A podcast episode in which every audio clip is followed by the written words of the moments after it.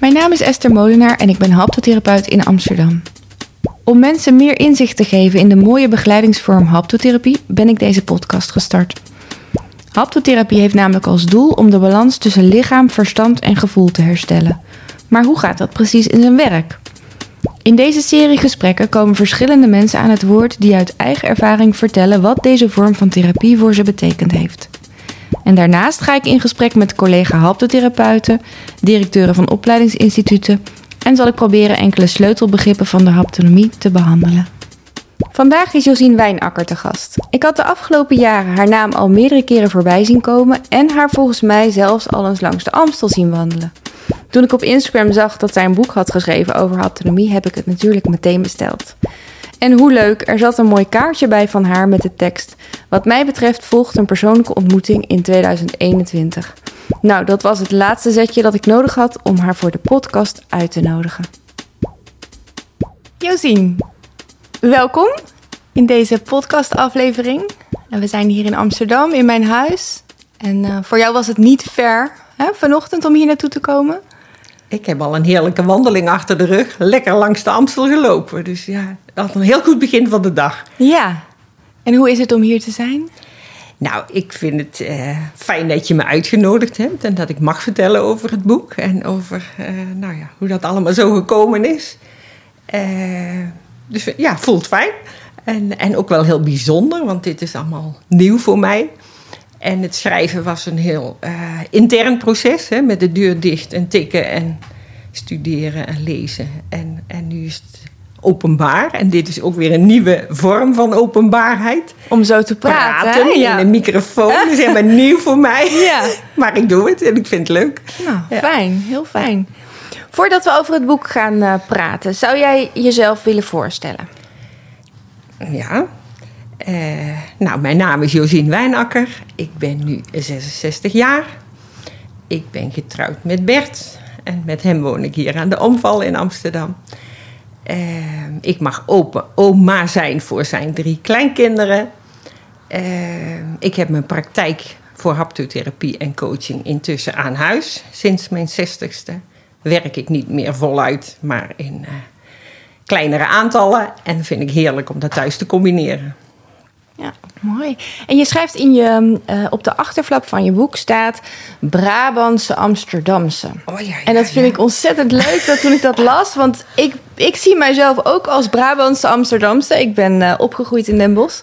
Dus toen ik dat las, dacht ik, ah, nou, dat, we kennen elkaar niet, maar dat, dat moet goed zitten. Nou, ja, ja, ja, ja dat, is, dat, is, dat is zeker nog iets wat wel bij het voorstellen hoort.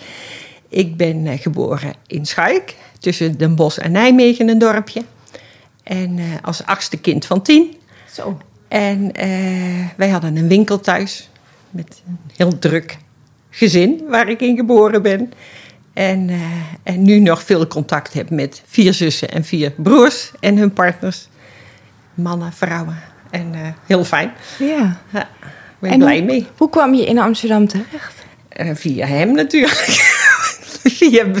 dus door het contact met Bert, die ik heb leren kennen op een uh, bio-energetica workshop in Amsterdam-Noord. Oh ja. En uh, nou... Voor de liefde naar Amsterdam Voor gekomen. de liefde naar Amsterdam. Ja, ja dat was een zeer grote stap, maar ik heb hem gezet. Ja. En uh, nooit spijt van. Oh, gelukkig. Ja. ja. En je hebt um, op een gegeven moment het idee gekregen om een boek te schrijven over je werk, over haptotherapie en haptonomie. Ja. Hoe is dat idee ontstaan? Uh, dus, dat is al langer, al langer aan het broeien geweest. Ik heb in het begin uh, vorig jaar een schrijfcursus gevolgd bij Geert Kimpen. En ik volgde hem al langer, ook op social media. En ik zag die schrijfcursussen al langskomen. Ik denk, oh, dat wil ik ook een keer. Later als ik groot ben. En, uh, en het was in het buitenland en het was nogal ja, ook een beetje aan de prijs voor mij toen. En, uh, en vorig jaar was het in Nederland in een klooster. Ik denk, yes, nu ga ik het doen. En aangemeld. Maar toen kwam de corona. Uh, en toen ging het niet door. Uiteindelijk hebben zij die, dat hele programma omgezet. En heb ik heel veel dagdelen schrijfcursus gevolgd. En er was meteen van, yes, ik ga hiermee door. En ik was al begonnen met blogschrijven. En ik heb ook, het, het ontstaan heeft ook wel te maken met het studienetwerk waaraan ik deelnam. Een studienetwerk haptonomie en haptotherapie. Met een groepje collega's hebben we het hele boek Levenslust en Levenskunst van Frans Veldman bestudeerd. Zo, dat is me nogal een werk. Ja, en dan kwamen we in het Hotel De Valk bij elkaar om elke zin uit te pluizen en te begrijpen. En gingen we, ik meen twee keer per jaar, naar Ooms in Frankrijk. En kregen we les van Frans Veldman en Annemarie van Polen. En ja, een geweldige ervaring. Heb ik zeer veel geleerd. En toen heb ik allemaal schriftjes bijgehouden van alle moeilijke woorden. En die waren er meer dan genoeg. Zo, ja. En eh, begrippen. En, eh, dus in feite had ik al heel veel werk klaar liggen Ja. boek. Misschien even goed om toe te lichten voor de mensen die het niet weten. Frans Veldman is de grondlegger, hè, Ja. zou je kunnen zeggen. De Ja. grondlegger van de haptonomie, zoals we die Zeker, nu ja. eh, ja, uitvoeren eigenlijk. En ik weet nog wel dat ik een half jaar voor zijn overlijden... eh, was ik nog in Frankrijk met die groep... en heb ik nog bij hem op de bank gelegen... Echt zoals we dat in de haptonomie noemen. Wat was het voor man? Kan je, want dat is voor mij super interessant om te weten. ja, eh, ja, daar kan ik heel veel over vertellen. Maar wat ik vooral onthouden heb... Ja, als je bij hem op de bank gelegen hebt... dan snap je haptonomie en haptotherapie. Waarom? Waarom? Ja, eh, en dat is precies... Ik weet nog dat ik, dat ik een hele intense ervaring had bij hem op de bank. Zodat ik me heel erg begrepen voelde door hem, zonder woorden. Ik heel fijn vond. Eh, als ik het jou vertel, dan raakt het me weer. En, en dat hij zei, kwam die later naar me toe... Josien, hou het maar voor jezelf. En dat vond ik zo'n fijn advies. Want ik, een keer eerder ging ik daar meteen allemaal vertellen... en, en was, ik het bij, was het bij mezelf wat vervlogen. Ja. En eh, hè, dus nu, als je zo van, ik kan nu vertellen dat ik een hele fijne, wa- fijne en waardevolle ervaring. Maar veel meer woorden heb ik er nu niet voor. Het is meer het gevoel is ook Ja. gebleven dus. Zeker, Ja. zeker. En Ja. dat is waar het dan om gaat. Ja. heel eh, ja, intens, waardevol. En het was een, ja, ik zie hem nog staan in de deuropening in een lichtgroen pak. En met, of nou weer of geen weer, met een overhemd en een stropdas. Nou, flink ruimte innemen. Ja, daar stond ik. iemand. Ja, daar stond wel degelijk Ja. iemand. Ja, Ja. ja. Mooi. Ja. Ja. Maar ik weet ook nog dat ik hem de eerste keer ontmoette. Niet persoonlijk, maar zag op het podium. In Frankrijk bij een congres waar ik was met collega's. En dat ik echt aan de tranen over mijn wangen. Hij heeft mij dit vak gebracht. Dat voelde ik toen zo sterk.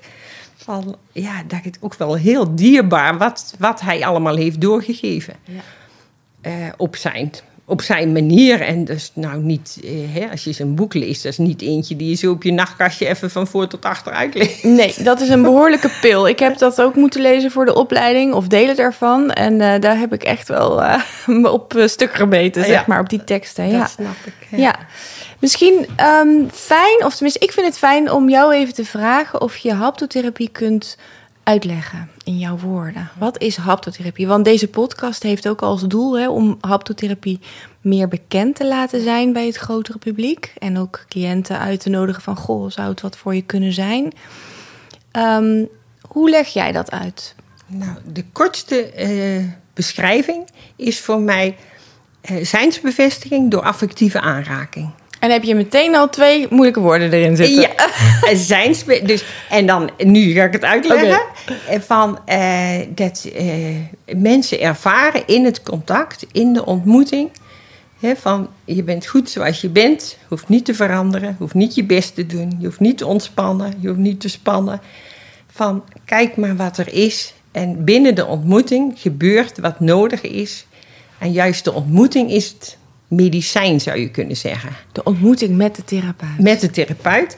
En degene die komt, hè, die zal ik cliënt noemen, eh, die doet het hele proces zelf. Maar de of ik als haptotherapeut en ook mijn manier van werken is van ik ben erbij, ik blijf erbij, ik ben aandachtig present. En die ander kan vertellen en delen wat passend is in het moment. En ik ga, eh, de klacht is niet zo, die staat niet zo centraal bij haptotherapie. Die willen mensen wel graag vertellen. Maar ik en ik denk ook collega haptotherapeuten kijken veel meer van wie zit er voor me? Eh, wat is de angel achter het probleem of achter de klacht? Ja. En eh, hoe kan ik die persoon daar, hè, daarbij het best faciliteren? Je kijkt ook naar de mens als geheel eigenlijk. hè? Zeker, Ja, zeker. Met alle kwaliteiten. En, Ja, Ja. En ook de lange levenslijn. En ja, heel vaak speelt affectief gemis. En wat is affectief gemis? Dat toch ja, vaak in de jonge jaren eh, sprake is geweest van een tekort op de een of andere manier. Wat ouders of verzorgers niet konden geven, wat een kind wel nodig heeft. ja. En ja, dat kan sporen nalaten.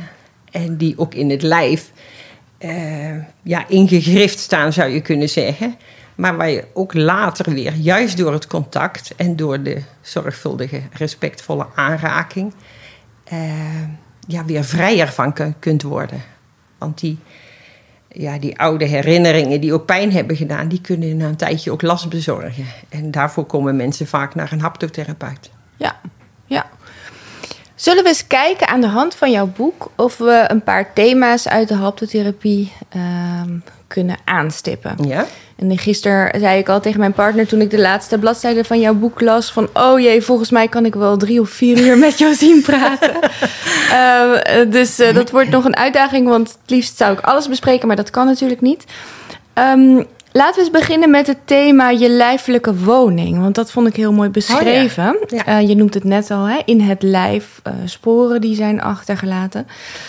Ehm, nou, wat ik heel bijzonder vind aan jouw boek is dat er eh, anekdotes in staan van cliënten die jij in jouw eh, lange, lange carrière hebt Mhm. gezien. Eh, al dan niet met fictieve namen, geloof ik dat je daar wel eh, andere namen aan hebt gegeven. Ja, alles is volledig eh, gehusseld, Ja, zeg precies, maar. Hè? ja. Het is, de, de voorbeelden zijn in feite fictief, gebaseerd op werkelijkheid. Ja. Ja. Nou heb je ehm, in je boek ehm, eh, een anekdote over Ellie. Zou jij dat misschien willen voorlezen? Oh, ja. Ja? Dan geef ik jou het boek. Goh, voelt als een echte schrijfster. Zij leest voort, voor uit, eigen werk, ja.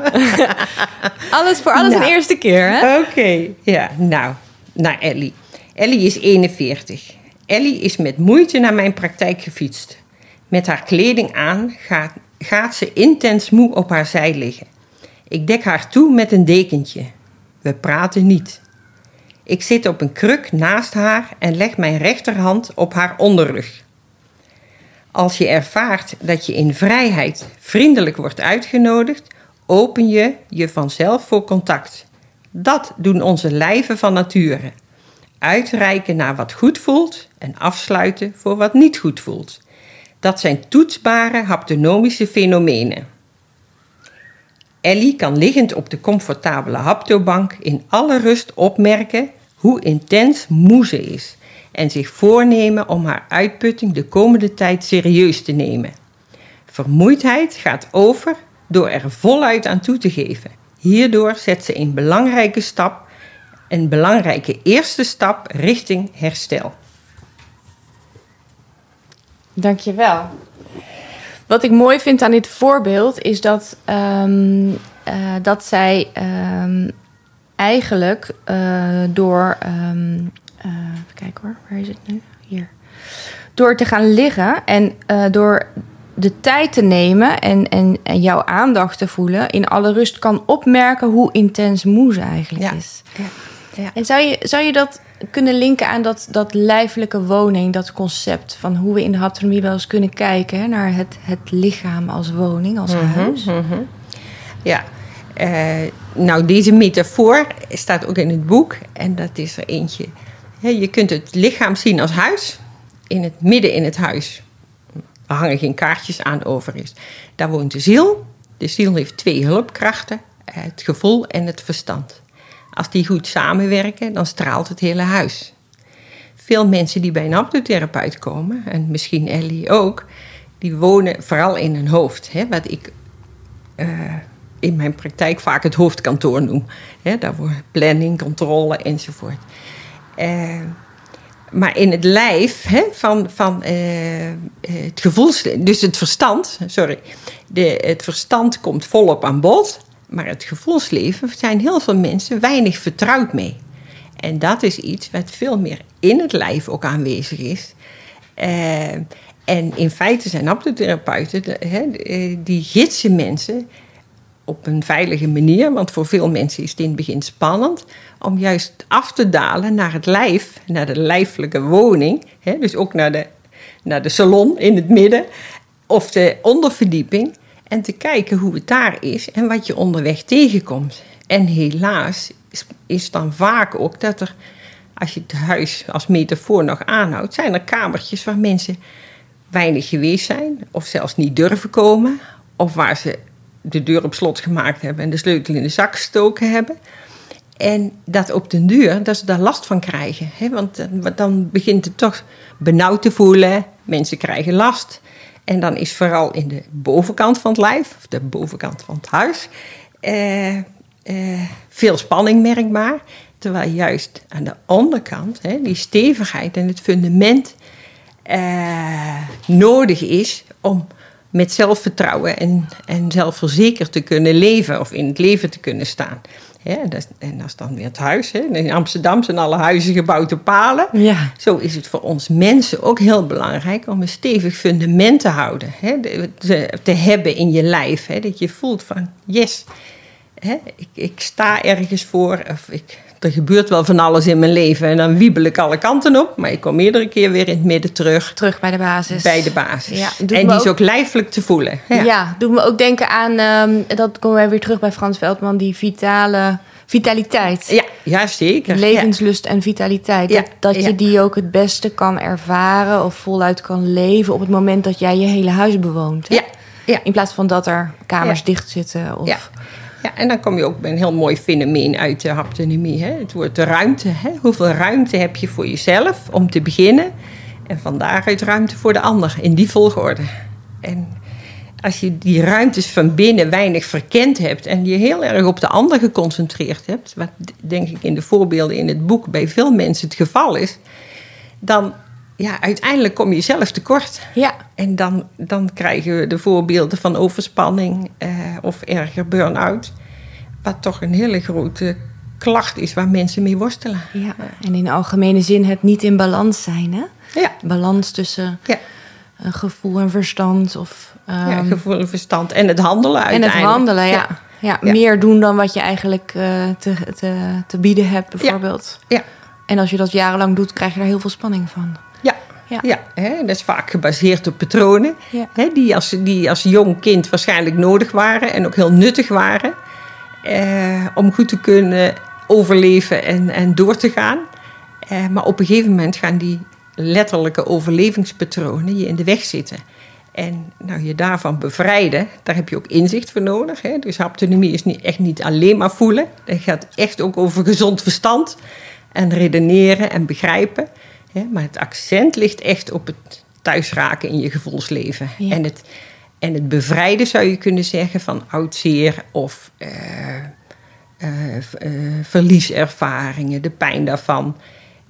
Nou ja, hoe je dat op een rustige, natuurlijke manier aandacht kunt geven en daardoor wat vrijer kunt worden.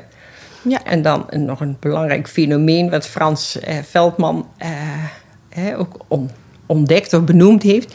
Dus de spanning gaat ook, hè, dus de spierspanning is vaak ook voelbaar voor ons, hè, haptotherapeuten. En mensen kunnen dat ook zelf steeds meer gaan voelen. En dat juist door het, eh, ook het huid-op-huid contact, en zeker als dat goed voelt en, en uitnodigend is, dat mensen als vanzelf die spierspanning verandert en, en dat sprake is van versoepeling. Ja. Waardoor mensen zich vitaler voelen. En lekkerder voelen, ja. ja. Ja. dat is zo mooi als je dan soms wel eens ehm, ehm, mensen hoort zeggen van ja, je moet gewoon ontspannen. Terwijl dat dus helemaal niet gaat. Hè? Nee. Als je dat Ja. vanuit je hoofd, uit de controlekamer naar je lijf zegt, eh, ga maar eens even ontspannen, dat wil eigenlijk niet. Ja, ja, ja. Nee. Ja. Nee, er zitten twee woorden in die niet kloppen. Nee. Iets moeten en, en ontspannen op bevel. Dat kan dat niet. gaat niet. Nee, nee. Ja, ja. nee. Ehm, wat ik nog even zat te denken, wat de ene gedachte die bij me opkwam, is dat er ehm, drie verschillende opleidingen zijn in eh, Nederland Mhm. voor haptotherapie. En misschien is het ook wel leuk om even uh, te vertellen dat ik een andere opleiding heb gedaan dan jij. Oh ja. Ja, ik heb bij het ITH gestudeerd, dus ja. het Instituut voor Toegepaste Haptonomie. Ja. Jij hebt in Doren aan de academie opleiding gedaan. Um, we hoeven niet heel lang over te hebben hoor. Maar uh, wat soms wel eens verwarrend kan zijn, is dat uh, haptotherapeuten net een andere. Uh, net een ander accent in hun benadering hebben. Mhm. Want als we het hebben over de lijfelijke woning en aanraking, dan raak jij, als ik het goed heb, ook bijvoorbeeld benen en voeten heel veel aan. Ja, ja, ja. en dat doe ik minder vaak. Ja. Omdat er net, net weer een ander accent is gegeven. Ja. Ja. ja, en ik zelf vind het heel belangrijk in het hele haptotherapieveld, zeg maar, hè, de opleidingen en de beroepsverenigingen, om vooral naar de overeenkomsten te kijken. Want de essentie is overal echt hetzelfde. Ja. Hè? Het gaat echt over die affectieve bevestiging van mensen. Hè? En dat kan verbaal, kan vooral ons bijzondere instrument is het non-verbale, hè? dus het, Aanraking, de ja. aanraking. Hè? Maar ik, ja, daar, daar wil ik echt een lans voor breken om te kijken wat verbindt ons en, en hoe kunnen we samen dit mooie vak heel goed op de kaart zetten. Want mensen hebben er echt heel veel aan. Ja. Ja. Ik denk dat het ook om die reden zo ontzettend leuk is dat je dit boek hebt geschreven. Omdat die voorbeelden zo aansprekend zijn. En ehm, ja, het geeft echt inzicht in wat deze vorm van, begeleidings, van begeleiding eigenlijk kan betekenen Ja. voor iemand. Zullen we eens kijken naar het volgende onderwerp wat ik had uitgekozen? Dat was ehm, eh, een gevoel van eh, een basisgevoel van liefde en vertrouwen. En eh, daar ehm, las ik in jouw boek het verhaal van Annette bij. Mhm. Wil jij het voorlezen Ja, of zal ik het doen? Ja? Dan doe jij het maar. Is ook leuk. Om en om doen? Ja, is goed. Ja. Voor mij ook voor het eerst. Ehm, even kijken. Annette, die is 39 jaar en ze is psycholoog. En ze zegt, ik voel me gelaten en kom tot niets. Ze kampt met piekerdwang en lusteloosheid. Ze heeft moeite met helder denken en heeft last van allerlei fysieke klachten... zoals hoofdpijn, benauwdheid, onrustig slapen... opgejaagd gevoel, verhoogde hartslag. Het gezin woonde boven de schoenenwinkel van de familie. Zo leerde Annette ook: klanten gaan altijd voor. Als de bel gaat, moet je er meteen zijn. Nu is het zat om alsmaar te moeten. En haar vriend is geneigd haar geregeld te bekritiseren. Daar begint ze ook genoeg van te krijgen. Ze heeft wel door dat haar bewijsdrang en neiging tot perfectionisme haar geen goed doen. Maar hoe kan het anders? Op advies van haar huisarts komt ze naar mijn praktijk. Liggend op de haptobank komen al snel de tranen. Het gemis aan ruggensteun en de pijn van er alleen voor staan begint door het bevestigende huid-op-huid contact tot haar door te dringen. Het afscheid van heilig moeten is in gang gezet en in hele kleine stapjes durft ze met haar competenties en eigenheid voor de dag te komen. Zelfs als ze volgens haar eigen meetlat niet een 9,5 verwacht, maar een mager 6 plusje. Ja. Ja, vond ik ook zo mooi beschreven. Ook eh, dat, hè, dat ze eigenlijk wel weet dat haar bewijsdrang en perfectionisme geen goed doen, maar hoe kan het anders? Dat hoor je vaak, hè? Dat mensen naar, eh, ja, op zoek zijn naar, maar hoe dan? Ja. Ehm, Ja. en even kijken, ja, die link met dat basisgevoel liefde en vertrouwen. Dus waar ik aan moest denken was dat eh, de klanten altijd voorgaan. Ja. Ja, nu komt bij mij een voorbeeld op, dus wat niet in het boek staat, maar wel gebeurd is, in, nog in mijn vorige praktijk. eh, waar ik ook een, een, een bel had. En er was een mevrouw, die had thuis ook een winkel. Eh, en eh, wij, of ik, laat mensen ook wel eens op een bal zitten, op een grote eh skippiebal. Waardoor je gemakkelijker eh, en anders zit en anders voelt dan op een houten stoel. Dus die mevrouw die zat eh, op die bal. Ik stond achter haar, of eh, knielde achter haar en ik had haar eh, onder rug met beide handen vast.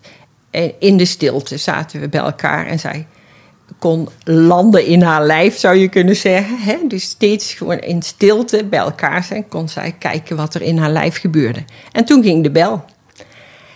En, en nog een keer en nog een keer. En ik ben helemaal blijven zitten en we hebben het helemaal stilgelaten. En ik heb er altijd onthouden van dat er zo'n, en dat vertelde die mevrouw later ook terug, zo'n interventie of zo'n ja, zo'n eh, mogelijkheid was voor haar van hé, nu gaat de bel niet voor. Ja. Ja. Hè, nu gaat het echt om jou. Ja. En alle aandacht is en al gaat die bel honderd keer, we blijven bij jou. En dat kan zo helend zijn, hè? Enorm. Om dat te ervaren. Enorm. Ja. En, en dat zijn ook vaak voorbeelden, die zul jij ook terug horen van mensen.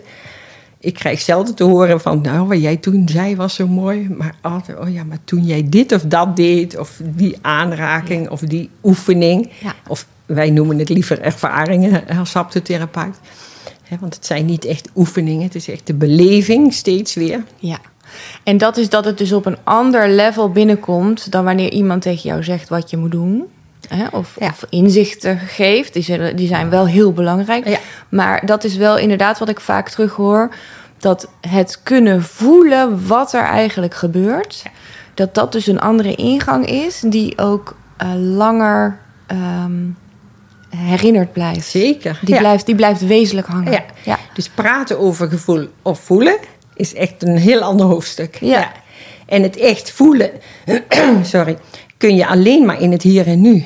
Dus er zijn prachtige boeken geschreven over hè, leven in het hier en nu. Maar haptotherapeuten en, en de, het aanbod is vanzelfsprekend in het hier en nu. Want ik kan niet alvast voor morgen gaan voelen. Nee. Dat doe ik nu. Ja, ja, ja. Hè, wat er Ja. nu, hè, nu voel ik een kriebel in mijn keel bijvoorbeeld. Nou, dat kan ik alleen maar nu voelen. Die was er net nog niet. Ja. En straks is hij misschien weg. En straks is hij weer weg. Neem ik een slok water, is hij weer weg. Wat ga ik nu doen? doe maar even. ja. Ehm, wat je ook in dit voorbeeld eh, hoorde, of tenminste wat ik er ook wel uithaalde, was dat vertrouwen. Hè? Dus het basisgevoel van vertrouwen, dat ze dus eh, goed genoeg is. Dus dat ze eh, met haar competenties en eigenheid voor de dag kan komen. En met kleine stapjes. En dat het niet een 9,5 hoeft te zijn, maar eh, dat de goed, goed, goed is goed genoeg of Ja. zo. Hè? Ja. Ja. Dus dat, ja, ik weet niet of jij daar nog wat over kan vertellen. Van hoe, hoe je dat bij cliënten doet. Dat, dat dat vertrouwen een beetje mag komen. Ja, dat is vaak wel een proces. Het is niet een quick fix van nou, eh, kom vanmiddag en dan weet je morgen hoe het allemaal, gaat. Eh, maar wat ik, waar ik vaak mee begin en wat ik heel veel toepas, is wat ik noem stoppen zitten voelen. Heb ik niet in de opleiding geleerd, maar heb ik zelf eh, in de loop der jaren gemerkt. En eh, dat komt toch wel in elke sessie voor. Echt iedere keer van, nou, ga maar zitten. Eh, kijk wat er van binnen gebeurt. Eh, en, en van daaruit de, de behoefte. Maar het stoppen zitten voelen kan ik nog duidelijker uitleggen. Mensen hebben vaak overlevingspatronen. Ik zal er eentje van mezelf nemen. Ik was niet zo goed in boos zijn. Dus wat deed ik? Een toen ik nog rookte, een sigaret pakken. Oh ja. Dus een paf, paf, paf, paf, paf. Hoefde ik lekker niet te confronteren. En dan kon ik die ander gewoon eh, nou, van alles van vinden. En, en de sigaretje, dat boeit mij uitkomst. Tot ik het woord stoppen. Dus dat is van, hé, hey, ik, heb- ik heb de neiging om een sigaret te pakken. Of een roze koek, of een nieuwe trui, maakt niet uit. En juist in het moment dat ik het vast heb, laat ik die sigaret vallen. Dan ga ik zitten. Dus ik stop met vasthouden van de sigaret. Ik ga zitten en dan voelen. En dan zit je midden in het overlevingspatroon. Oftewel midden in het gevoel wat je niet wilt voelen. En eh, dat doe ik niet om mensen te pijnigen of te plagen. Maar juist door daar wel contact mee te maken. En dat kan even lastig zijn. En misschien komt er een traan of een zucht of een boer. De wereld vergaat niet. Maar juist door dat rustig toe te laten, kom je, hè, wat jij net vroeg, in dat, in, die, in dat, ja, ik noem het toch een lager deel van je lijf. Waar rust woont, waar vertrouwen woont, waar stevigheid is, waar continuïteit is, waar je ja, eh, nog een groter woord, eh, contact kunt hebben met een, met een liefdesbron die er altijd is. Waar je niet je best voor hoeft te doen, waar je niet perfect voor hoeft te zijn. En eh, ja, dat is heel mooi om mensen daarin te begeleiden. Maar niemand gaat voor de lol, ja, ik noem het dan naar beneden, want je komt meestal eerst even door een ongemakkelijk deel. Ja. En dat wel aankijken, dat noem ik eh, kort pijn en lang fijn. En het omgekeerde is sigaretten blijven roken tot je, honderd, nee, tot je honderdste. Dat haal je meestal niet. Nee, dan blijf je erbij weg, hè? Want dat beschrijf je ook mooi in je boek. uh, dat uh, onrust, um, uh, als, er, als er onrust is in je lijf... dat je daar graag bij weg wilt blijven. En dat er allemaal ja. manieren zijn om daarbij weg te blijven. Ja, is, ja. Maar jij beschrijft eigenlijk in dit boek heel mooi... wat wij als haptotherapeuten graag ehm, begeleiden. Dus dat iemand er naartoe gaat, naar de bron van de onrust... Mhm. en dat het dan uh, dat je er hè, een soort van vertrouwd mee gaat raken. En dan hoeft het ook niet meer te leiden tot gedrag wat eigenlijk door de onrust wordt bepaald. Ja, ja zo is het. Ja. Ja. Ja. Ja. He, dat je daar niet meer bang van bent, dat het gewoon bij het leven hoort. Uh, en dat het altijd ook weer voorbij gaat. Ja. He, dus mensen kunnen ontzettend bang zijn om te gaan huilen. Hè? Dan gaat het nooit meer over. maar je, ja, je komt echt niet in een diepe zwarte zee terecht. En misschien nog wel belangrijk om te zeggen dat ik in ieder geval, en ik denk mijn collega's ook niet, nooit iets forceren. Hè? Dus iedereen is vrij om te vertellen, om te delen. Uh, bij het intakegesprek is het nogal verbaal, hè? dan wordt er gepraat en een interview en luisteren. Maar daarna is het steeds wat, wat de ander wil inbrengen. Het is niet van, nou, dan ga ik er eens even uittrekken. Of Nee. die, die pleister moet er nu af. We gaan dit eens even doen. Nee. Nee, het is vanuit rust en vanuit ruimte, veilige ruimte bieden. Kijken wat mensen willen delen. Ja. En op het tempo van de cliënt, hè? Dat Juist. is natuurlijk ja, ook een ja. van de grote eh, inspiratiebronnen van de haptonomie. De uitspraak van Anna Teruwe. Ja, ja, ja, ja. dat je mag worden wie je in wezen bent. Ja. Maar het mag op jouw tijd, op jouw tempo en op Ja, jouw manier. Op jouw manier. En Ja. dat, is een, dat is zo wezenlijk. Hè? Ik ben een grote fan van Anna Teruwe. En eh, ja, daar, draai, daar draait het allemaal om. Dat is die zijnsbevestiging. Hè? Zij zegt dat in haar gedicht prachtig. Hè? Van jij mag zijn wie je bent. En of je een negen haalt of een zes of zelfs met een twee... ben je ook hartstikke welkom. Nee. Ja. Van, eh, ja. Wil niet zeggen dat iedereen deugt. Dat is een ander verhaal. Of dat het gedrag van iedereen deugt. Laat ik het zo zeggen. Hè? Want dan lijkt het zo van... ja, wij houden van iedereen en alles en overal. En dat is het niet, en dat nee. is... Dat, je zeggen, wel, de intentie is wel om, om daar naar te kijken. Hè? Wat Anne Teruwe ook heel mooi zegt. Is het wees... van- Of eh, eh, misschien was het iemand anders. Maar het wezen van de ander toelachen. Dat vind ik ook zo'n hele mooie zin. Maar dan kijk, je, van- dan kijk je van wie is iemand in essentie ten diepste. Hè? Wat is de natuurlijke eigenheid van iemand? En dan kan iemand nog gedrag hebben dat je zegt van nou, dat eh, bevalt me niet. Ja, Hè, die twee kunnen samengaan. ja. Ik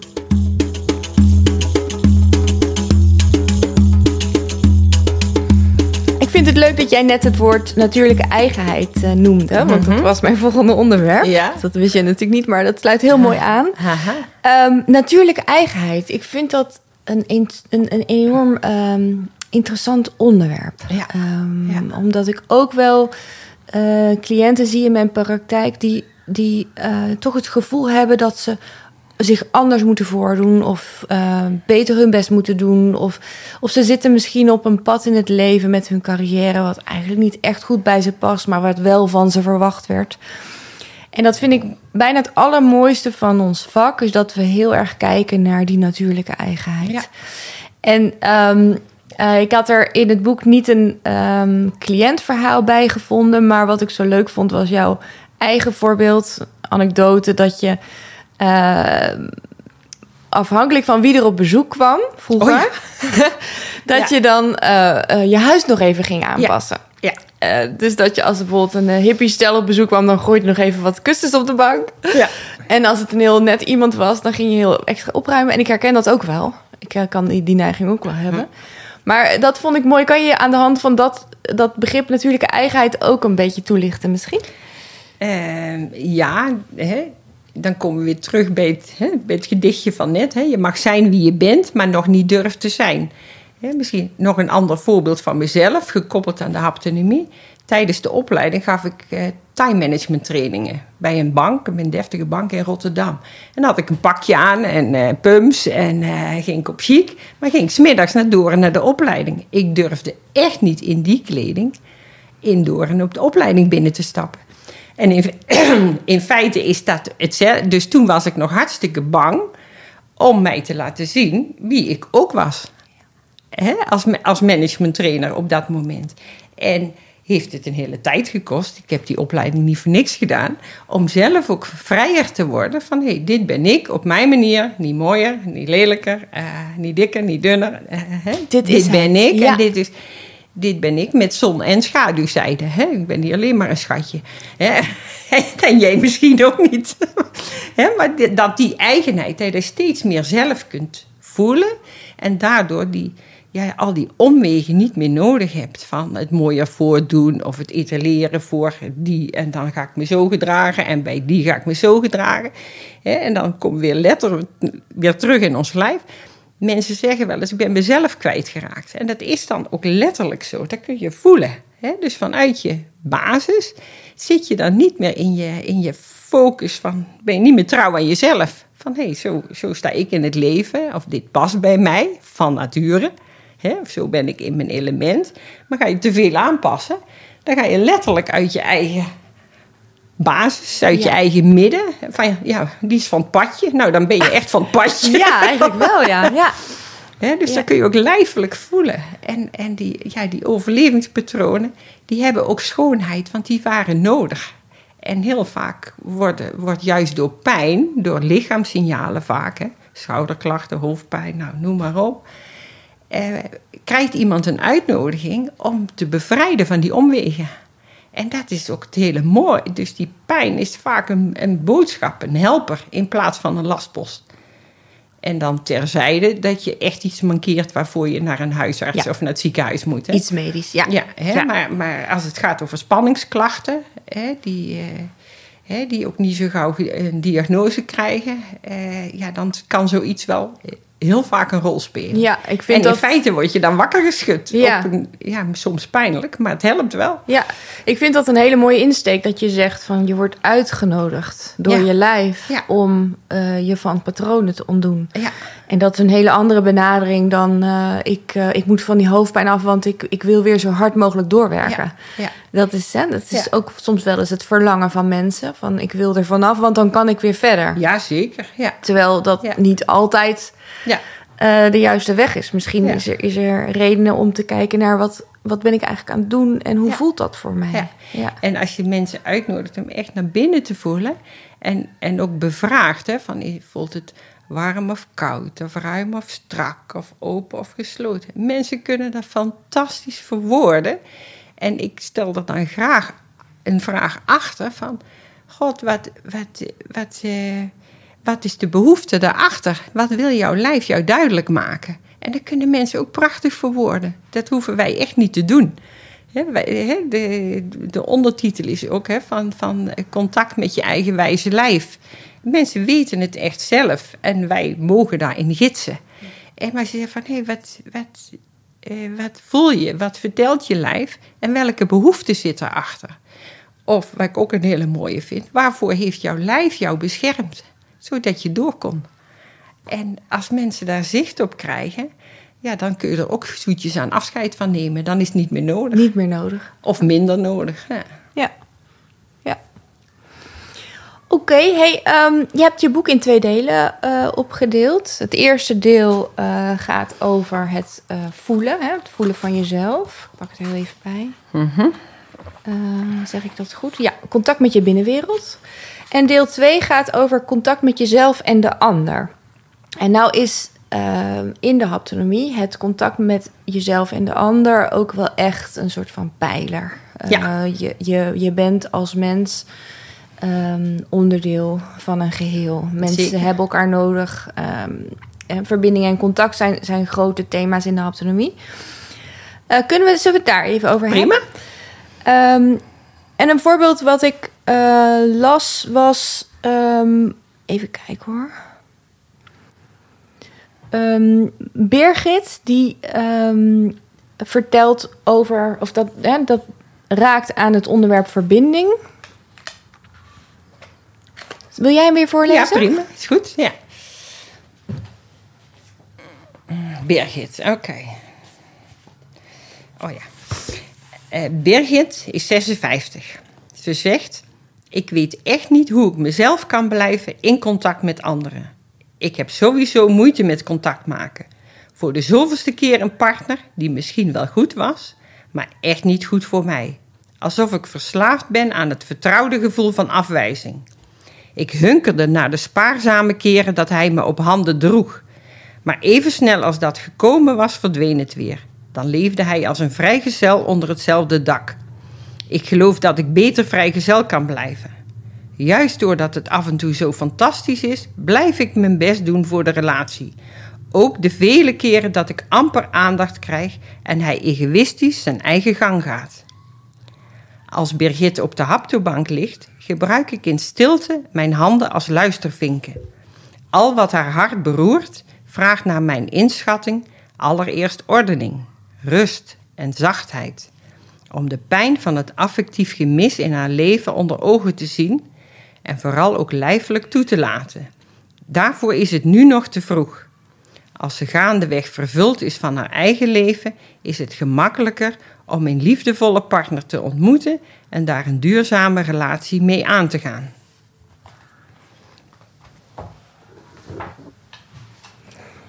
Kan je daar wat meer over vertellen, over verbinding en in dit geval bij Birgit? Uh, ja, eh, van, eh, zeker als het over relaties gaat. En dat is, eh, ja, haptonomie gaat toch ook heel erg over communicatie en over eh, steeds weer eh, ja, de relatie tussen de autonomie en de verbinding. dus ik, ik, gebruik, ik heb een bord in de praktijk en dat teken ik heel vaak het lemniscaat op, de liggende acht. En dan is het van, nou, als, ja, ik vind een hele een, een paradox die heel veel voorkomt in ons vak. Wat doe ik voor mezelf en wat doe ik samen of in relatie met de ander? En als het te veel zelf wordt, hè, de meneer in dit voorbeeld, hè, die als een vrijgezel in het huis gaat leven, hè, die is te veel op zichzelf, zou je kunnen zeggen. Dus uit de maat. En zeker als je in een relatie. Maar iemand kan ook uit de maat samen zijn. En alsmaar klaarstaan en geven en redden en zalven en pleasen, noem maar op. Tele, hè, daar, kennen we ook genoeg voorbeelden van. Dat is ook uit de maat. En hoe meer dat uh, in de maat is en hoe meer je van elkaar leert, want je kiest denk ik niet voor niks die partner, want die komt je van alles leren en helpen en schuren en schaven tot je jezelf dichter juist bij je eigenheid kan komen. En uh, ja, wat ik zelf een heel fijn begrip vind en ook graag toepas in mijn privé- en werkleven, is vrijheid in verbinding. dus dat ik mezelf kan zijn, maar niet in een, op een eilandje, maar juist in het contact met anderen. dus, en, en dat betekent niet alleen maar lief en aardig. Dat kan ook best zijn dat ik af en toe zeg van, nou, ho even, eh, tot hier en niet verder. Of dit bevalt me niet. Of dat je van daaruit ook aangeeft eh, welke plek je zelf nodig hebt om die eigenheid en autonomieruimte te geven. Trouw aan jezelf. En tegelijkertijd doe je ook af en toe water bij de wijn. Want ja, een relatie is ook een, uh, een coalitie. Ja, je, samengaan. Hè? Ja. ja. ja.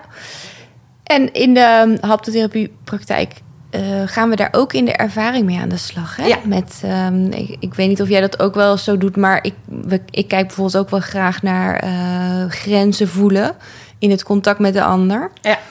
Um, in een ervaringsoefening. Oh ja. uh, jij begint te lachen, dat is vast herkenbaar.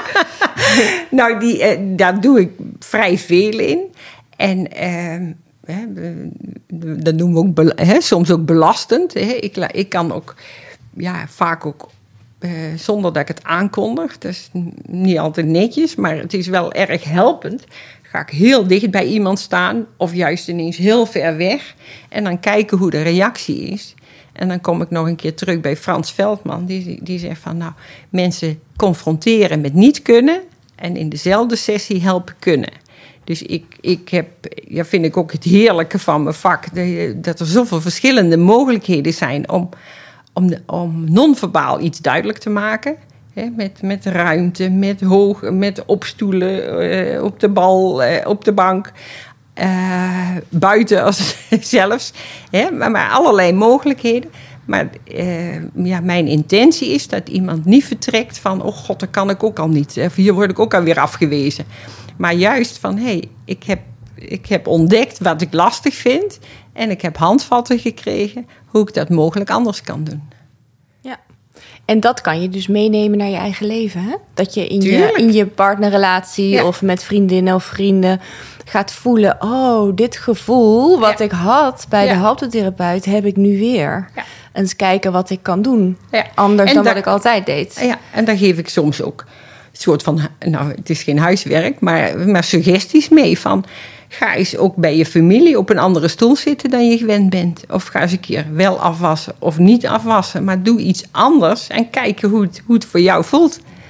Hè? Of stel heel veel vragen of blijf stil. Of ga maar iets uitproberen. Uitproberen en ervaren. Ja. Ja. ik weet ook een cliënt, dat is een hele, hele mooie dame... in een, eh, de, de moeder van een gezin... En die gaf aan, en als je het hebt over autonomie en verbinding, zat zij heel erg op de verbinding. En dat Mhm. gezin meer in de, de andere leden, meer in de autonomie. Mhm. En dat zij dus zei tegen mij van, nou, nu ik dit zo heb ervaren bij jou, realiseer ik me dat ik eigenlijk al jarenlang op een andere plek aan de keukentafel zou willen zitten. En ze heeft dat gewoon direct veranderd. En niemand, niemand vond dat erg. Iedereen zei, oh ja, tuurlijk. En het gevoel wat het haar gaf om haar plek in te nemen... en, en daar meer vrijheid in te voelen en meer voor zichzelf te zorgen... ja, dat was goud waard. Ja. En dat klinkt als iets heel kleins, maar Nee. vaak is het kleine heel groot. Ja, maar dit is heel essentieel dan. Hè? Ja. Zo van, hé, hey, ik, mag, ik mag dat doen. En nog sterker, dat de omgeving al lang akkoord is. Ja. En dat kom ik ook wel heel vaak tegen. Dat mensen nog op de handrem het leven houden. Terwijl iedereen al zegt van, ga maar, het is helemaal oké. Hè, ook de naaste en ook wat je denkt van, oh god, dat is niet goed. Nou, er mag veel meer dan je denkt. Ja. En dan sta je dus ook meer in verbinding hè, met Ja. je omgeving. Dat Ja. de mensen ook zien wie jij bent. ja, En dat je tevoorschijn komt met wat je, ja, wat je behoeftes zijn. ja. Ja, prachtig. Ja, ja. Dat laatste is overigens ook nog wel een heel belangrijk onderwerp. Hè? Van de, dat de mensen, zeker iemand die eh, te veel geeft, heel vaak kom ik tegen, en eh, eh, jij waarschijnlijk ook, dat mensen hun behoeften niet kennen. Gewoon als je dat vraagt van, god, wat wil jij? Wat zou je vandaag het liefste doen? Wil je binnen of buiten of samen of alleen of koffie of thee? Huh? Oh, goh, ja, daar kan ik, kan ik zelf over nadenken of navoelen nog liever. En ook naar handelen. Dat is soms een openbaring waar ik nog iedere keer verrast van ben. Ja. ja, en ik vind de winst ook zo groot. Van deze dame bijvoorbeeld, die kwam ook echt letterlijk op een andere manier de praktijk weer binnen. De, Ja. de keer daarop. Ja, Omdat zij wezenlijk had kunnen voelen dat ze die plek mocht innemen. En dat ze dat verlangen had herkend bij zichzelf. Dus dat, Ja. dat sluimerde wel. Het gaf ergens spanning en onvrede. ja, Maar door het zo helder, en dat, dat ging natuurlijk over hele grote dingen. Van, kon zij als moeder van het gezin misschien een week weg om te gaan schilderen, bijvoorbeeld? hè? ja, ja. ja dat kan dus. Ja, Oh, ja. en dat wil ik ook echt. Ja, ja. ja. ja is mooi. Ja. En het is ook een hele mooie beweging om, om het verlangen ook vooral aandacht te geven. En niet alleen maar stil te staan bij het gemis. Ja, Hè? ja. Sowieso. hè? Ja, nou dat, dat vind ik mooi. Misschien kunnen we daar ook, eh, nu we richting de afronding Mhm. gaan hè, van dit gesprek, Ja. ehm, ehm, nog heel kort even over hebben. Want je zei dat al in het begin, van niet het probleem staat voorop in de haptotherapie, maar de, zoals je dat in het boek schrijft, letterlijk de compleetheid en de oorspronkelijke natuur. Ja. Ik weet niet of je daar nog wat over wil zeggen, of dat je denkt, dit is genoeg aan bod geweest. Hoe- Ja, n- ja. Ik denk even eh, beginnen van te hakkelen. Maar het gaat wel, ja, dat is wel heel essentieel dat alles erbij hoort hè, in de hapten. Hè? Dus dat alles ook meespeelt in die gemoedsbeweging, hoe je in het leven staat. De, de, de levenslust, hè, zoals Veldman dat beschrijft. Ja, dat heeft wel te maken dat, dat alles mee mag doen en alles er mag zijn. eh, en in, in, een, eh, eh, ja, in een mooi samenspel eh, meedoet in het leven. Op een natuurlijke manier. Hè? Want we zijn, eh we willen of niet, allemaal onderdelen van moeder natuur. En dat je niet je best hoeft te doen eh, eh, eh, eh, ja, om anders te zijn dan je bent. Hè? Ja. Ik noem dan vaak, ja, je- als je een appel bent, moet je niet gaan werken om een peer te worden of omgekeerd. En dat geldt voor mensen hetzelfde. Ja, en wat vraagt dat van jou als therapeut, eh, zat ik ineens te denken. Of Mhm. van mij natuurlijk ook. Ja. Maar eh, wat vraagt dat van ons als therapeut om, om iemand zo in zijn volledigheid te kunnen eh, zien. Wat vraagt dat van jou? ik denk vooral hè, presentie, dat je aanwezig bent. Laat merken van je hoeft hier niet je best te doen. Eh, eh, ja, dat, ik heb wel eens ooit eh, in een scriptie bij de, in opleiding van nou alle bijvoeglijke naamwoorden die, die verwacht werden van een haptotherapeut. Ik weet nog dat ik in de scriptie zei: jullie vragen gaan, jullie zijn heiligen aan het opleiden. dat kun je van de mens niet vragen, maar het zijn wel uiteindelijk, ja, je kunt het ook samenvatten in één woord: eh, liefdevol contact. Ja. Hè, zonder oordeel, respectvol, eh, afgestemd. Eh, ja, het vraagt nogal wat. En godzijdank zijn wij daar heel goed in opgeleid en langdurig in opgeleid. En hebben we ons eigen proces ook allemaal van A tot Z moeten ondergaan. En dat wil ik ook nog wel even zeggen, dat, ja, hoe belangrijk dat is dat wij ook zelf hebben geleerd ja, wat een basisgevoel is, wat trouw aan jezelf is. En niet alleen uit het boekje hebben, maar, maar echt ook met hele eh, in, intense ervaringen geleerd hebben. En Ja. wat heel belangrijk is, eh, ja, waardoor we dit vak, wat toch een heel, ja, eh, ja het, is, het is toch een heel bijzonder vak, dat je zo dicht bij mensen mag zijn, vraagt ook, eh, ja, dat, het, dat, dat je het mag doen, maar vraagt ook hele grote zorgvuldigheid. En daar zijn wij ontzettend goed in opgeleid, vind ik. En dat Ja. vind, ik dan, vind ik dan mooi om dat nog even te linken aan jouw eigen levensloop. En Je bent begonnen ehm, met de opleiding. Je hebt al die jaren werkervaring opgedaan. En dan nu dit boek. Dat, dat is toch ook mooi? Dat je dus Ja. eigenlijk ook, zie ik daarin eh, jouw proces heel mooi terug. Tenminste, Mhm. ik weet niet of dat klopt. Maar ehm, ja, als, als therapeut je vak uitoefenen ten dienste van de cliënt. Maar nu dus eigenlijk op een groter niveau bijna. Of een, of een Ja, ander level. anders. Ja. Ja. ik zie het nog meer. Ik ben op mijn zestiende begonnen eh, bij mijn ouders in de meubelzaak. Dus ik werk 50 jaar, nu eh, dik 50 intussen. En eh, ik zal van verschuiving van de, van de uiterlijke woninginrichting... ben ik verhuisd naar de innerlijke woning, woninginrichting. Van, dat is mijn proces geweest. En het boek heeft in die zin... hè, de laatste 20 jaar als haptotherapeut... maar daarvoor heb ik ook al heel veel jaren als coach... één-op-één gesprekken gevoerd met mensen in allerlei rollen... Dus die ervaring, eh, ja, die vind ik zeker ook waardevol. Hè? Dus het is echt niet alleen... Ja, ik, eh, haptotherapie is mij zeer dierbaar en de haptonomie. Maar er zijn ook ontzettend veel andere invalshoeken die zeer waardevol zijn. En ook, eh, ja, ook heel bruikbaar zijn, aanvullend, zeg maar. Ja. En Ja. hoe voelt dat dan nu om dit boek zo hier te hebben liggen? Hoe is dat? En erover te praten? Nou, toen het binnenkwam op 18 december, of nee, de proefdruk met Sinterklaas, was dat. En toen- ik zei, het is een één boek geworden. ik dacht van, want ik had het alleen maar op mijn computer gezien. En ik, nou, ja, dat, dat was ik ontzettend van onder de indruk. Ja. En, en, en daar heb ik ook erg aan moeten wennen. Van jeetje, ik heb een boek geschreven. En als ik nu stukjes voorlees, denk ik, ja, daar heb ik, ja, dat klopt, daar heb ik opgeschreven. Ja. En wat je ook schreef, dat vond ik ook zo mooi dat je. ehm, ehm, hè, als het gaat over eh haptonomie, dan, dan komt eh, de, de uitspraak moedig ontmoeten ook in jouw boek Ja, voor. ja. Ehm, en dan vind ik dit ook moedig ontmoeten eigenlijk. Dat je je boek hebt geschreven, je kop boven het maaiveld uitgestoken. En ik zag ook laatst op Instagram van jou een post waarbij je zei van nou, hè, dat interne werk heb ik met veel plezier gedaan, maar nu mag ik ook naar buiten Ja. treden. En dat dat Ja. toch ook wel weer iets nieuws vraagt van jou. Zeker, zeker. En dat, hè, van, ik heb overdag met heel veel plezier geschreven, maar ook wel geregeld s'nachts wakker gelegen. Is het niet te veel? Is het niet te weinig? Moet ik, moet ik het niet no- nog verder anonimiseren?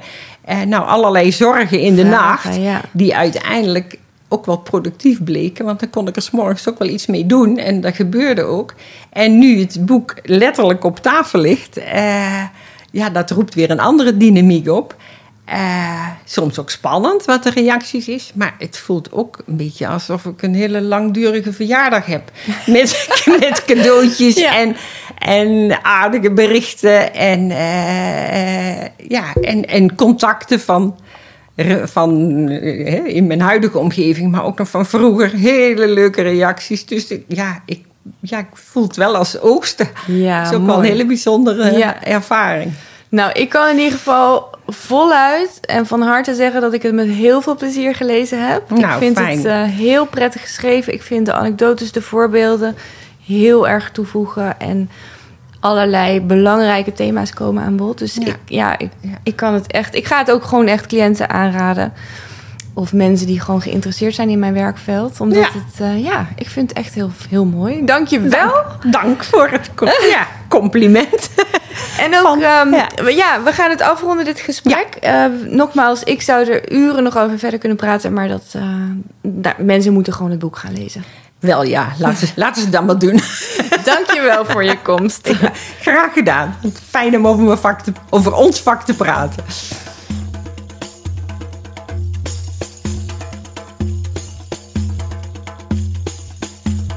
Je hebt geluisterd naar een aflevering van de podcast over haptotherapie door Esther Molenaar. Je kunt je abonneren op deze podcast via iTunes of Spotify. Voor meer informatie over haptotherapie en het vinden van een therapeut bij jou in de buurt kun je kijken op de website van de beroepsvereniging www.vvh-haptotherapeuten.nl of op de site van de NFG www.de-nfg.nl. Heb je naar aanleiding van deze podcast aan mij nog vragen? Stuur dan een mailtje naar info.haptotherapie-ester.nl of bezoek mijn website. Graag tot de volgende keer.